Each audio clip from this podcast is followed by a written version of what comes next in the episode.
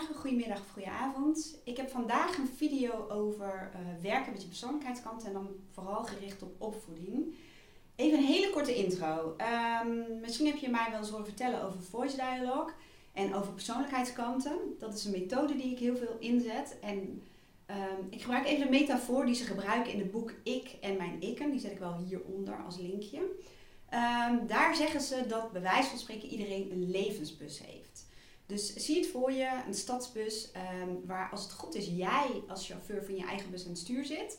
Met in die bus allerlei kanten van jou. En kanten van jouzelf kunnen zijn een perfectionist, een pusher die altijd maar door wil gaan, een zorgzame kant, een pleaser, een harde werker. Um, een kant van jou die uh, heel erg houdt van persoonlijke groei en ontwikkeling en heel veel wil lezen. Dus allerlei verschillende kanten zitten in jouw persoonlijkheidsbus, om het zo te zeggen. Um, in de dagelijkse praktijk is het vaak zo dat we uh, gebruik maken van verschillende persoonlijkheidskanten en dat noemen ze eigenlijk je primaire systeem. Dus dat zijn je primaire kanten die je vaak inzet. Um, zie voor je in die bus dat die bij van spreken voor in je bus zitten. En dat is ook heel makkelijk het stuur van je over kunnen nemen. Bijvoorbeeld mensen met angstklachten of paniekaanvallen, um, die hebben vaak het gevoel dat zo'n paniekaanval of angst hun helemaal overneemt. Dat ze helemaal, uh, hoe zeg je dat, out of control zijn. En dat betekent eigenlijk dat zo'n angst heeft op dat moment het stuur overgenomen. En dan kun je ook alleen nog maar vanuit de ogen van angst zeg maar, naar een bepaalde situatie kijken. Dus dat is één voorbeeld. Maar dit gaat even over de opvoeding. Want um, even kijken, even refereren aan mezelf en aan een klant van de week. Het is ook heel vaak zo dat je um, als ouders handel je ook vanuit je primaire systeem. En stel dat er nou twee ouders zijn die allebei heel erg gedreven zijn en heel erg actief zijn, ondernemend, um, initiatiefrijk en alles aanpakken, om het even zo uh, te zeggen. Dus het zijn twee hele, nou ja, ik noem het maar even sterke persoonlijkheden, waarbij ik nu even een labeltje eraan hang dat dat sterk is, maar gewoon even uh, om, om het beeld te schetsen. Dan zie je heel vaak dat uh, een kind zich gaat, en nu gebruik ik even mijn handen zeg maar. Stel, dit is de voorkant van de bus, hè, dus je primaire systeem. En dan zie je vaak dat kinderen zich gaan ontwikkelen op basis van, uh, of ze gaan zich conformeren, dus dan gaan zij ook proberen um, een persoonlijkheid te ontwikkelen op basis van bijvoorbeeld een vader die heel actief is en heel ondernemend. En stel dat die zoon bijvoorbeeld dat ook wil zijn. Dan zie je soms dat die, um, dat die zoon zich gaat conformeren aan de primaire kant van de vader. Dat hij ook ondernemend is en ook initiatief neemt. En, vaak heeft dat ook te maken met een stukje goedkeuring. Hè? Want uh, die vader is zo en dat is goed en het is een voorbeeld. Dus uh, een zoon wil bijvoorbeeld ook zo zijn. Maar wat ook kan, hè, stel dat je allebei van dat soort ouders hebt die maar altijd doorgaan en van alles en nog wat doen, dan kan het ook heel goed zijn dat een kind of een van de kinderen juist, um, ja, hoe moet ik het zeggen, als je achter in de bus, ik doe voor achter in de bus, voor in de bus, achter in de bus, dus dat je het verstoten deel zeg maar, van die ouders die altijd maar doorgaan en ondernemend zijn en actief, verstoten delen zijn hun passieve kant of hun wat luiere kant of lossere kant, om het zo te zeggen. En wat je ook vaak ziet is dat kinderen van zulke ouders ja, soms ook een soort van een beetje opgeven. Want die doen alles zo goed in hun ogen dat het bijna niet te doen is om daaraan te tippen.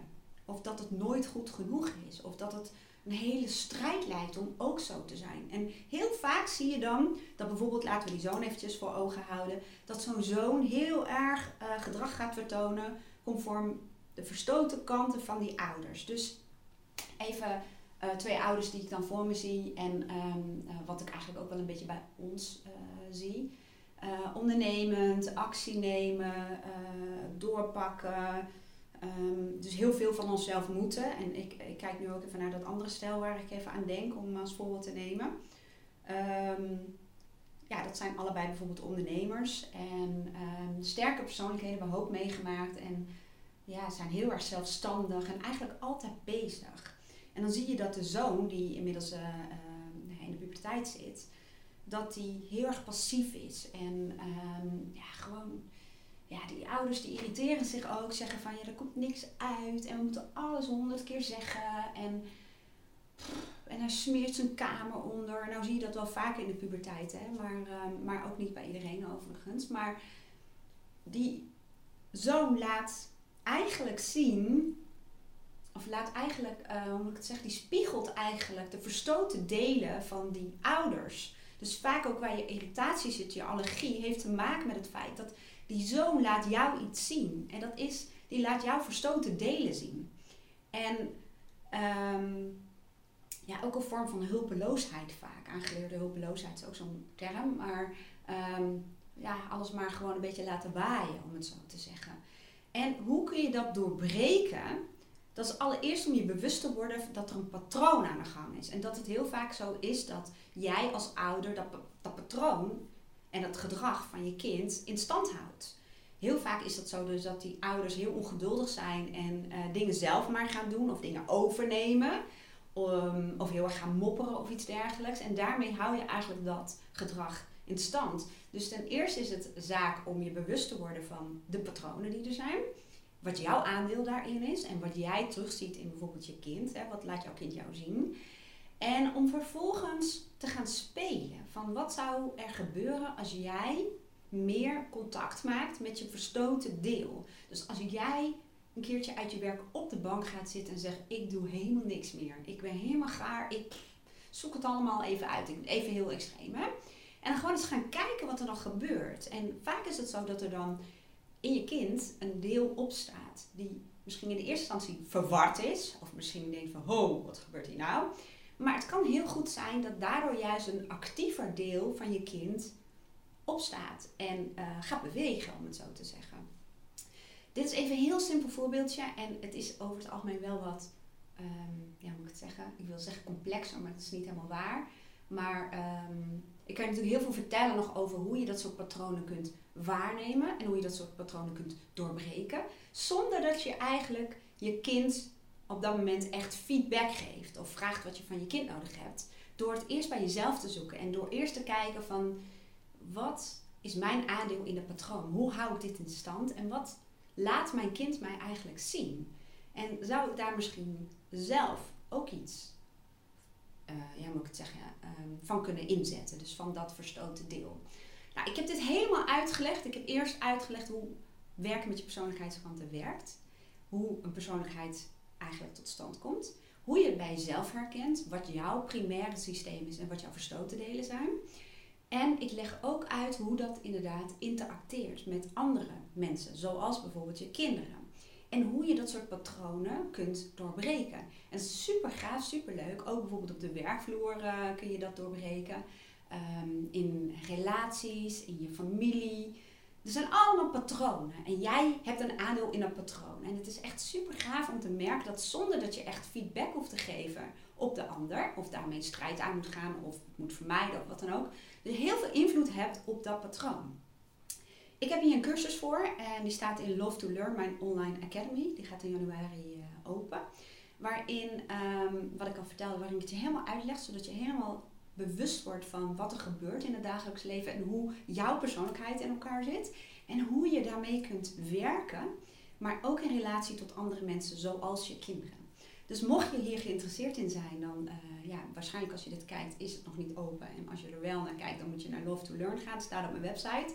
Um, ik zet even een linkje hieronder naar een pagina waar je je e-mailadres achter kunt laten. En dan geef ik je meer informatie over Love to Learn. En ook wanneer het open gaat en dat soort zaken.